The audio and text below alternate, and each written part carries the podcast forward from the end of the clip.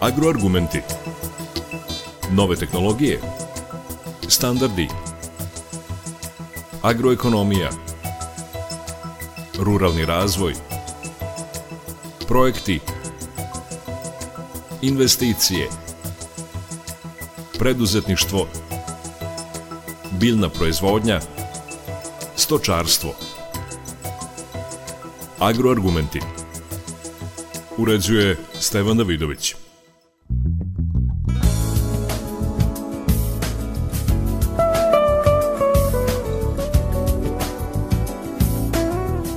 Dobar dan. Na Zlatiboru se održao važan događaj za poljoprivrednike, savjetovanje agronoma i poljoprivrednika Srbije.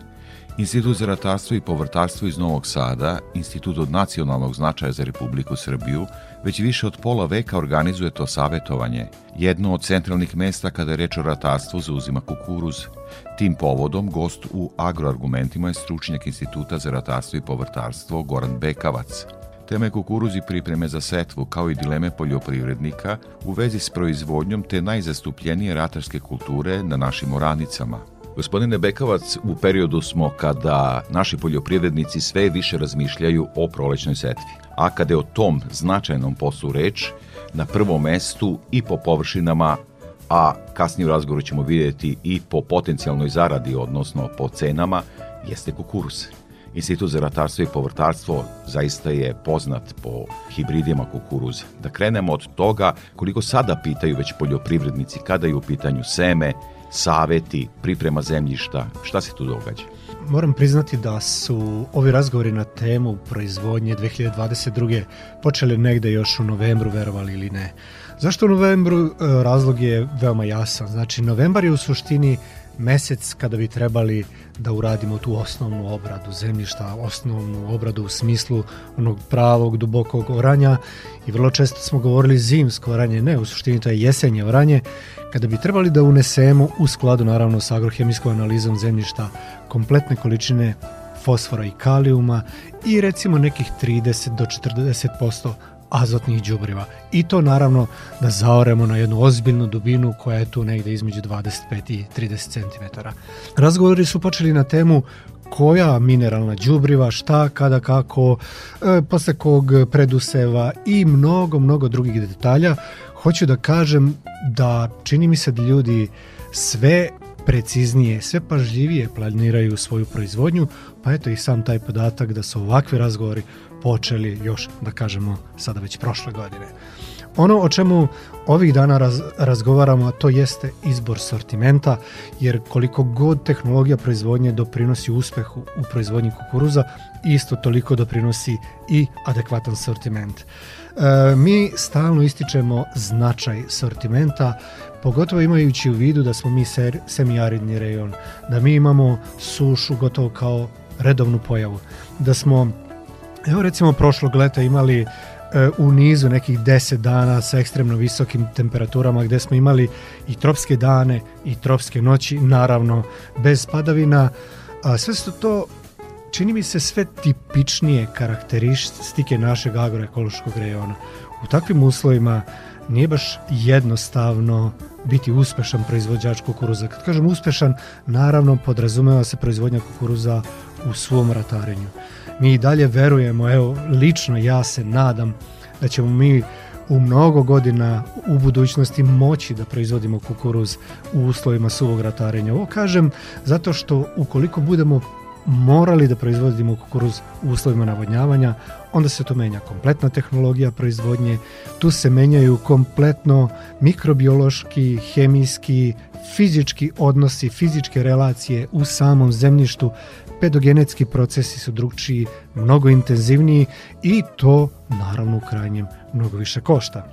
I sami ste rekli u uvodu i cena i sve to nas opredeljuje kao jednog od veoma ozbiljnih izvoznika kukuruza u svetu i moram da kažem i taj simpatičan podatak na koji svi treba da budemo ponosni, to je činjenica da se mi svake godine nađemo među prvih 15 najvećih izvoznika kukuruza na svetu, a veoma često i među prvih 10 dosta toga ste već, da tako kažem, načeli i dali mi e, povod za pitanja.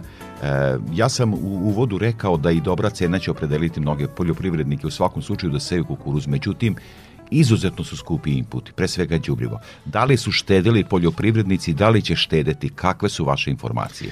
Ja se bojim da će biti i toga. Naime, e, oni ljudi koji su nas već kontaktirali spadaju u grupu, e, da tako kažemo, mlađih možda je gruba reč reći naprednijih proizvođača, ali onih proizvođača koji veoma pažljivo planiraju svoju proizvodnju, veoma pažljivo planiraju cenu svih inputa i naravno veoma pažljivo planiraju i kakav će im finansijski rezultat biti na kraju proizvodne sezone.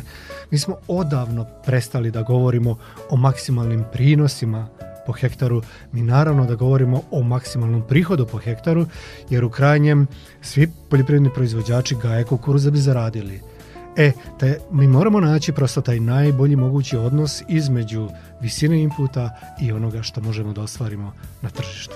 Šta se pokazalo tu kao najveći izazov, tako da kažem, kada je u pitanju trošak kod same setve? Da li je to džubrivo, da li, koji su to elementi koji, koji, na kojima se može štediti, gde može da se malo, kako bih rekao, kako uskladiti to o čemu ste sada govorili? Da, ovo je veoma kompleksno pitanje. E, naime, veoma skupe su i sve agrotehničke operacije, da tako kažemo, mehaničke prirode. Pre svega mislimo na to, o, tu osnovnu obradu zemljišta ili o, jesenje oranje, koje za sobom vuče veoma ozbiljne plužne otpore, veoma ozbiljnu potrošnju goriva. Znači, sama ta prva operacija je značajna stavka u proizvodnji kukuruza. Druga, po meni, najozbiljnija stavka jeste cena mineralnih đubriva, pogotovo azotnih đubriva koja je u odnosu na recimo isti period prošle godine otišla nekoliko puta gore i a, e, pogotovo su poskupela e, đubriva tipa ureje ovaj gde recimo videli smo primere na tržištu ta cena je do 3 do 4 puta viša nego u istom periodu prošle godine. Ja sam gotovo siguran da će biti pokušaja štenje i na mineralnim đubrivima to u neku ruku je i očekivano, jel, imajući u vidu finansijsku situaciju, imajući u vidu da cena praktično svih inputa ide gore, pa evo vidimo i cena goriva, jel tako, stalno pomalo ide, ide gore, ili ima tu i nekih i uspona i padova, ali generalno čini se neki uzlazni trend kada je, pitanju, e, kada je u pitanju cena inputa. E, cena semena nikada nije bila jedna od onih najznačajnijih stavki, uvek se uh, tu negde kretala na nivou 5 do 7%. Tako će otprilike biti i ove godine, iako su sve semenske kompanije najavile da će morati podići cenu semena za nekih 10-15% upravo iz razloga što su inputi svi otišli gore i što će očigledno i proizvodnja semena u toku 2022. godine biti znatno skuplja nego što je bilo u prethodnom periodu.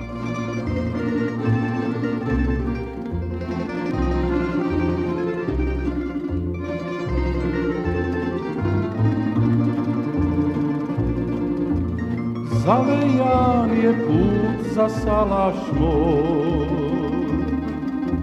Prođe maj i nesta pica ploj. Vratiti se neću moći, ne mogu tom stazom proći, zavejan je put za salaš moj. Vratiti se neću moći, tą stacą kroci, zamejany Bóg zastawać mógł.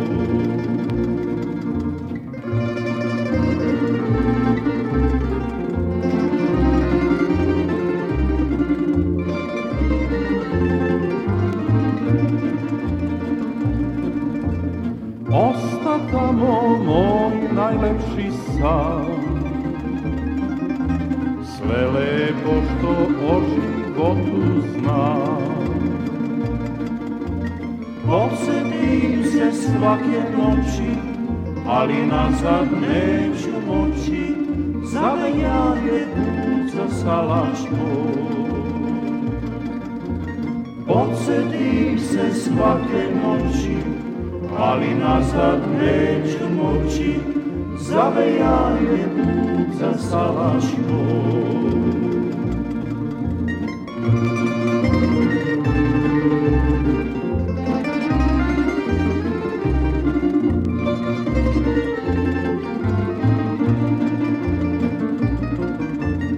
Nema više ni tog lepog sna Ja potroših život sve do dna ti se neće moći, ova zima neće proći, zavejanje tu za stalačko. Vratiti se neće moći, ova zima neće proći, zavejanje put za salaško. Agroargumenti Pomenuli ste i navodnjavanje, odnosno suvora tarenje, dok koliko još godina ćemo uspeti da izdržimo, da ne moramo preći na, na, na, na, na, na, na, navodnjavanje, kukuruz smo od vajkada gajili u, u, u suvom ratarenju. Međutim, stvari se menjaju, a to će biti značajan trošak i menjanje tehnologije proizvodnje Sami ste e, o tome sada govorili. Dakle, koliko još možemo računati po vašoj nekoj gruboj proceni da se može izdržati uz dobar odnos, trošak, e, prinos, pa i sama zarada, koliko još možemo trpeti ove klimatske promene? Ovo je teško uh, pitanje zato što upravo ovo što ste na kraju rekli, u velikoj meri zavisi od e, samog razvoja klimatskih promena.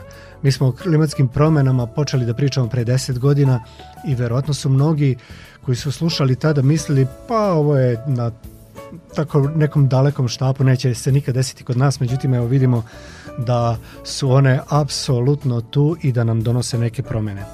Možda je utešna činjenica da većina modela koji se bave klimatskim promenama otprilike kažu da u našem agroekološkom rejonu neće doći do značajnije redukcije količine padavina, ali će doći do promene u distribuciji padavina. Doći će do promene u smislu da ćemo, nažalost, imati manje padavina u toku vegetacije, u toku vegetacijonog perioda, a više padavina izvan vegetacijonog perioda. Znači da će te padavine u toku jesenjeg i zimskog perioda preovladavati u odnosu na proleći i leto, što naravno nije dobro.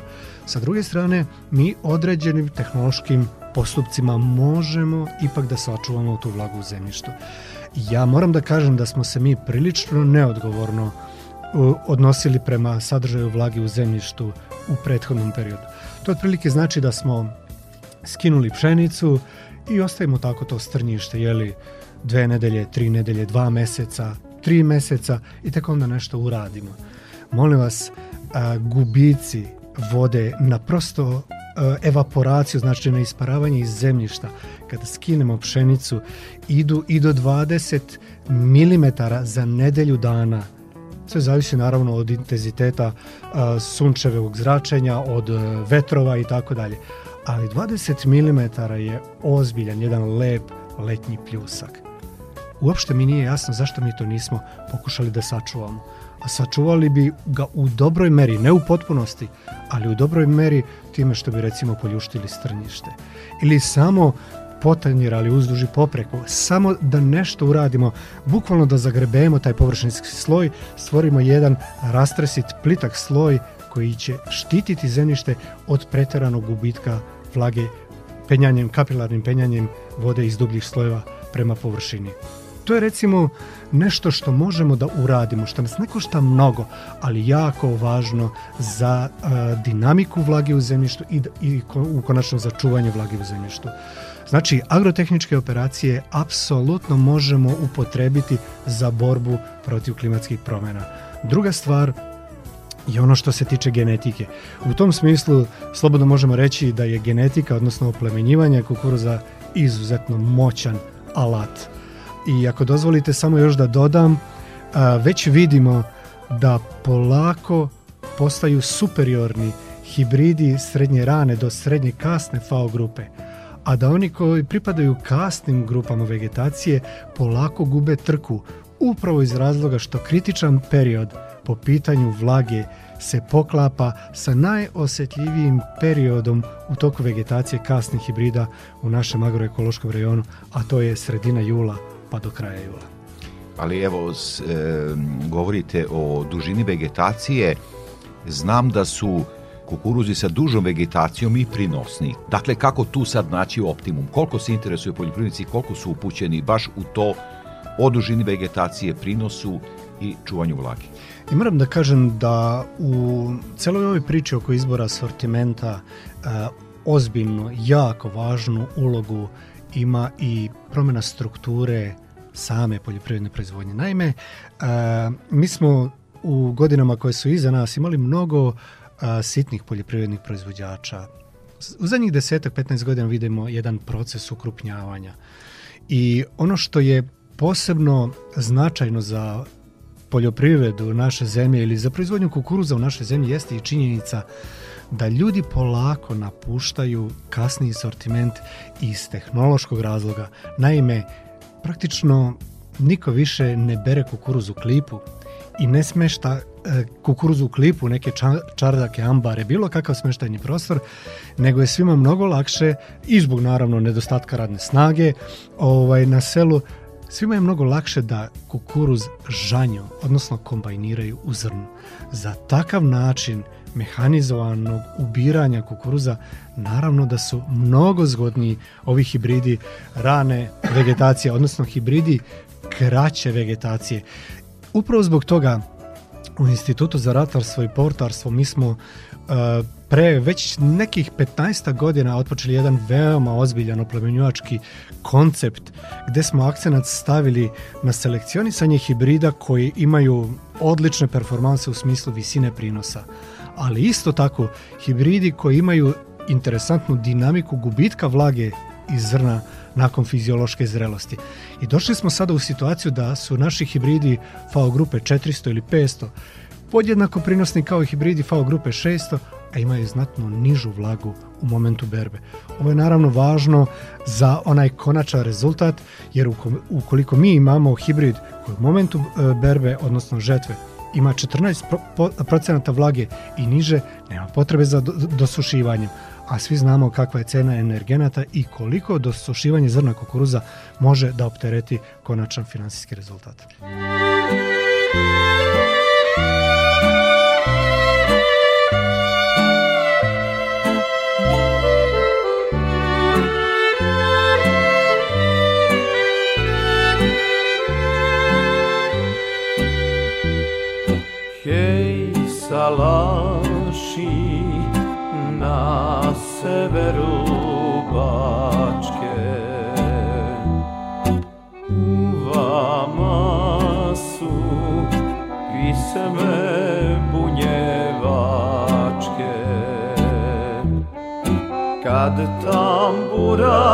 tako divno svira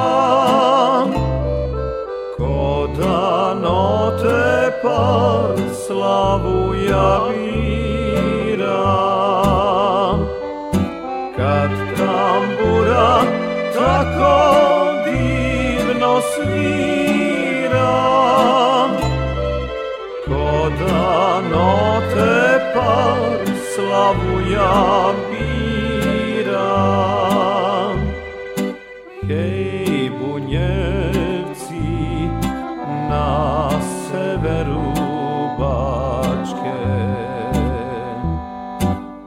sačuvajte pisme bunjevačke.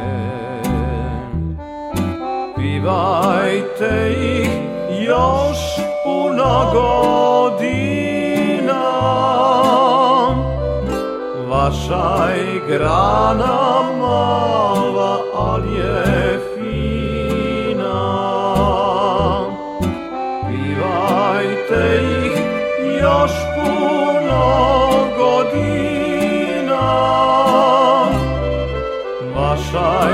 know.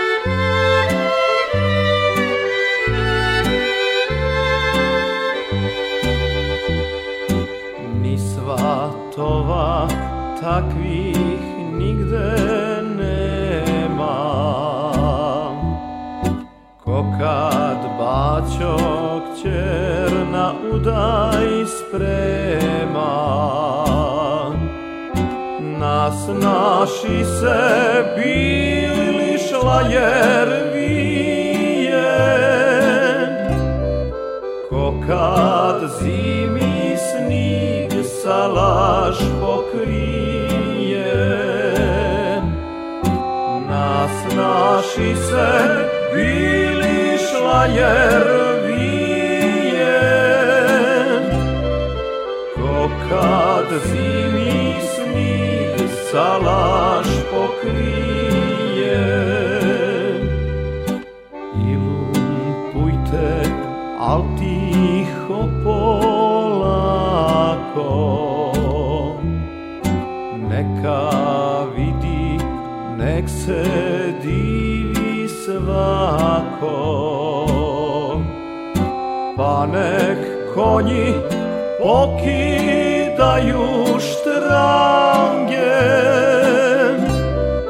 Kad se krenu momci na vašange Pa neg konji okidaju štrange Kad se krenu momci na vašange Agroargumenti. Gospodine Bekovac, evo sad smo došli do tačke Govorili smo malo pre u institutu za ratarstvo i povrtarstvo, to je institut nacionalnog značaja i već zaista i prepoznatljiva institucija i po savjetovanju na Zlatiboru e, sa našim poljoprivrednicima, 56. Šta donosite kao novinu i šta je to što ćete reći poljoprivrednicima ovde? Svako savjetovanje agronoma je po meni apsolutno najznačajniji skup uh, agronoma i poljoprivrednika ove zemlje. Tu se uh, na jednom mestu skupi praktično uh, kritična masa koja utiče na poljoprivredu ove zemlje u tom tehničkom smislu. Znači, e, na tom savjetovanju mi imamo prisutne i proizvođače, Imamo agronome sa terena, ljude iz poljoprivrednih stručnih službi, profesore sa fakulteta, istraživače sa instituta, a ove godine je posebno interesantno savjetovanje agronoma što ćemo imati i uključenje profesora sa Kansas State univerziteta koji će sam po sebi dati jedan veoma specifičan doprinos savjetovanju agronoma. Zašto ovo ističem? Ističem i to što je i procena ljudi iz Sjedinjene američkih država, znači ljudi koji su direktno u poljoprivredi, u agronomiji, da, e, da je ovo naše savjetovanje agronoma od izuzetnog regionalnog značaja. Zašto je? Zato što Upravo tu razgovaramo o svim ovim detaljima o kojima danas pričamo. O svim detaljima iz tehnologije proizvodnje, o svim e, da tako kažemo mogućnostima da se unapredi tehnologija, da se e, napravi jedna tehnološka karta koja će biti efikasnija, a možda jeftinija i na kraju u smislu rešavanja svih problema vezanih ne samo sa ovog, ovog direktnog aspekta klimatskih promena, a to je količina padavina i temperatura, nego i sa onog indirektnog aspekta, jer klimatske promene same po sebi utiču na sve biotičke faktore u agroekosistemu. Znači, one ne donose samo ekstremno visoke temperature ili e, ekstremne padavine ili nedostatak padavina, na to i te tekako e, da tako kažem utiče i ovaj biotički deo, odnosno biljne bolesti, štetočine i korovi. Sve se to menja, sve u zadnjih deseta godina ide jednom ozbiljnom dinamikom i praktično svaka godina je priča za sebe. Da bi se oduprli klimatskim promenama, jedna od najsnažnijih poluga su takozvane mere adaptacije, a koje su vezane za oplemenjivanje i svake godine mi u e, sitne detalje objašnjavamo poljoprivrednim proizvođačima zašto gajiti neki hibrid, koji su to novi hibridi, koja su to nova tehnološka rešenja koja dolaze iz Instituta za ratarstvo i povrtarstvo i pokušavamo na zajednički način da unapredimo poljoprivrednu proizvodnju, konkretno proizvodnju kukuruza i meni se čini da uprkos svim ovim e, nepovoljnim vremenskim prilikama koje nas prate, da beležimo sjajne rezultate i neki proizvođači su i prošle godine imali 10, 12, 15 pa i 16 tona po hektaru.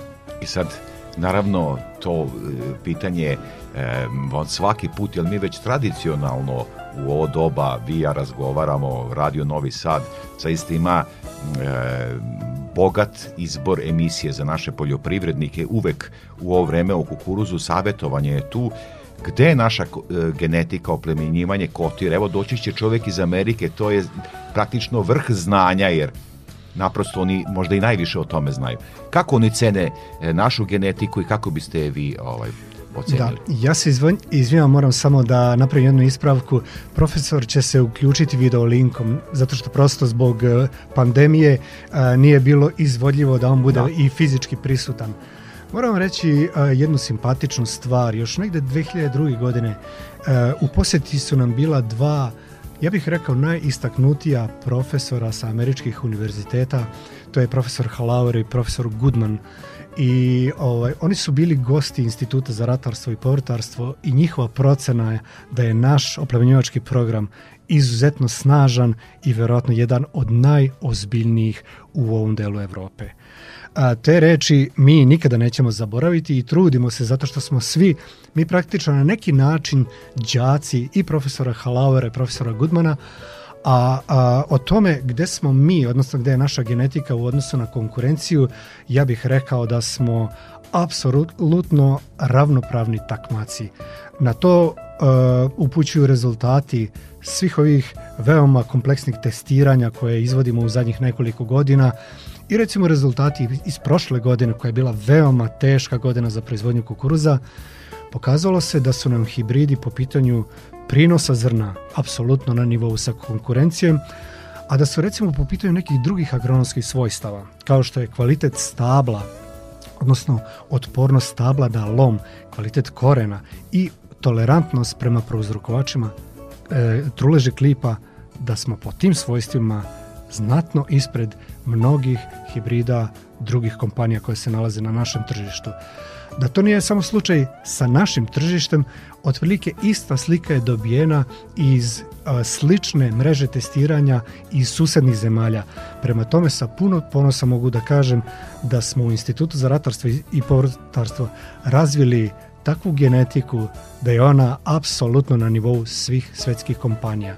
I kao još jedan prilog ovome ide i činjenica da svi ti najnoviji, najozbiljniji hibridi u kojima razgovaramo ovih godina su registrovani i u Evropskoj uniji i prodaju se u praktično svim onim zemljama koje su zainteresovane za kukuruz Evropske unije. Ne samo Evropske unije, znatno šire, ali kad kažem Evropske unije, onda dobro svi znamo kakva je konkurencija na recimo jednoj tržištu Francuske, Nemačke, Italije ili Grčke.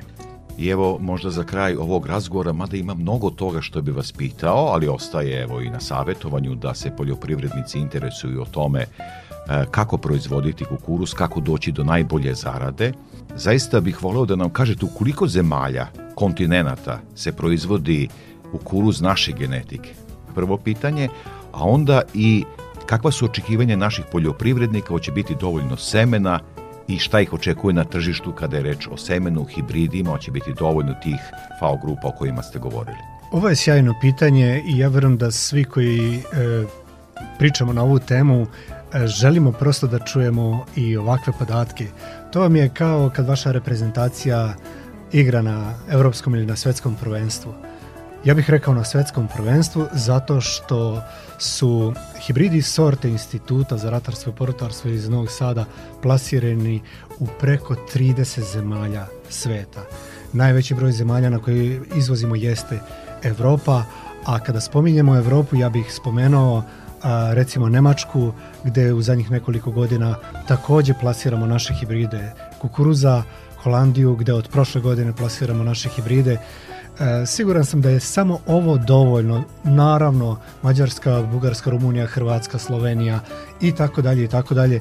Mislim da je ovo samo po sebi dovoljno da prosto uputi na zaključak da smo zaista ozbiljan igrač u, u ovoj utakmici ali isto tako moramo imati u vidu da u ovoj utakmici, u ovoj tržišnoj utakmici igraju najbolji igrači sveta. Kod nas, samo i to da spomenem, na našem tržištu je prisutno oko 30 semenskih kompanija iz celog sveta, najjačih multinacionalnih kompanija. Mogu vam reći da smo i 2021. postigli takve rezultate gde su ljudi upoređivali nas, naše hibride sa hibridima drugih semenskih kompanija i rezultati, su, odnosno njihovi komentari su bili da prosto tako skromno kažem, više nego pozitivni kada su naši hibridi u pitanju.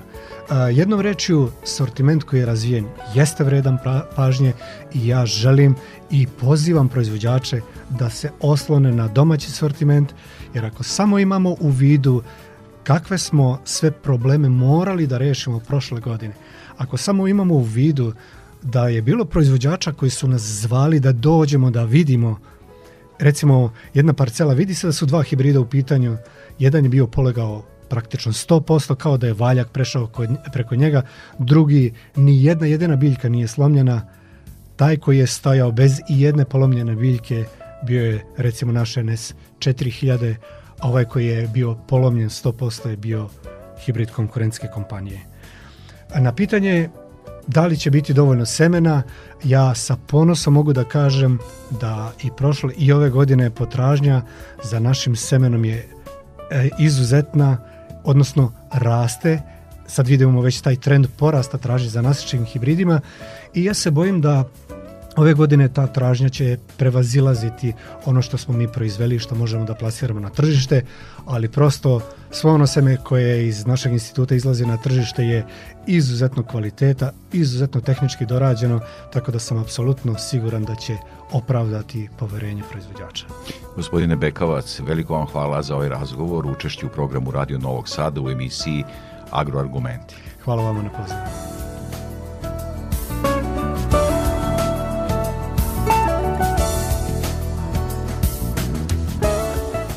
Slušali ste Agroargumente. Pozdravlja vas urednik i voditelj emisije Stevan Davidović. Emisiju možete slušati na portalu Radio Televizije Vojvodine na adresi rtv.rs. Ostanite uz naš program.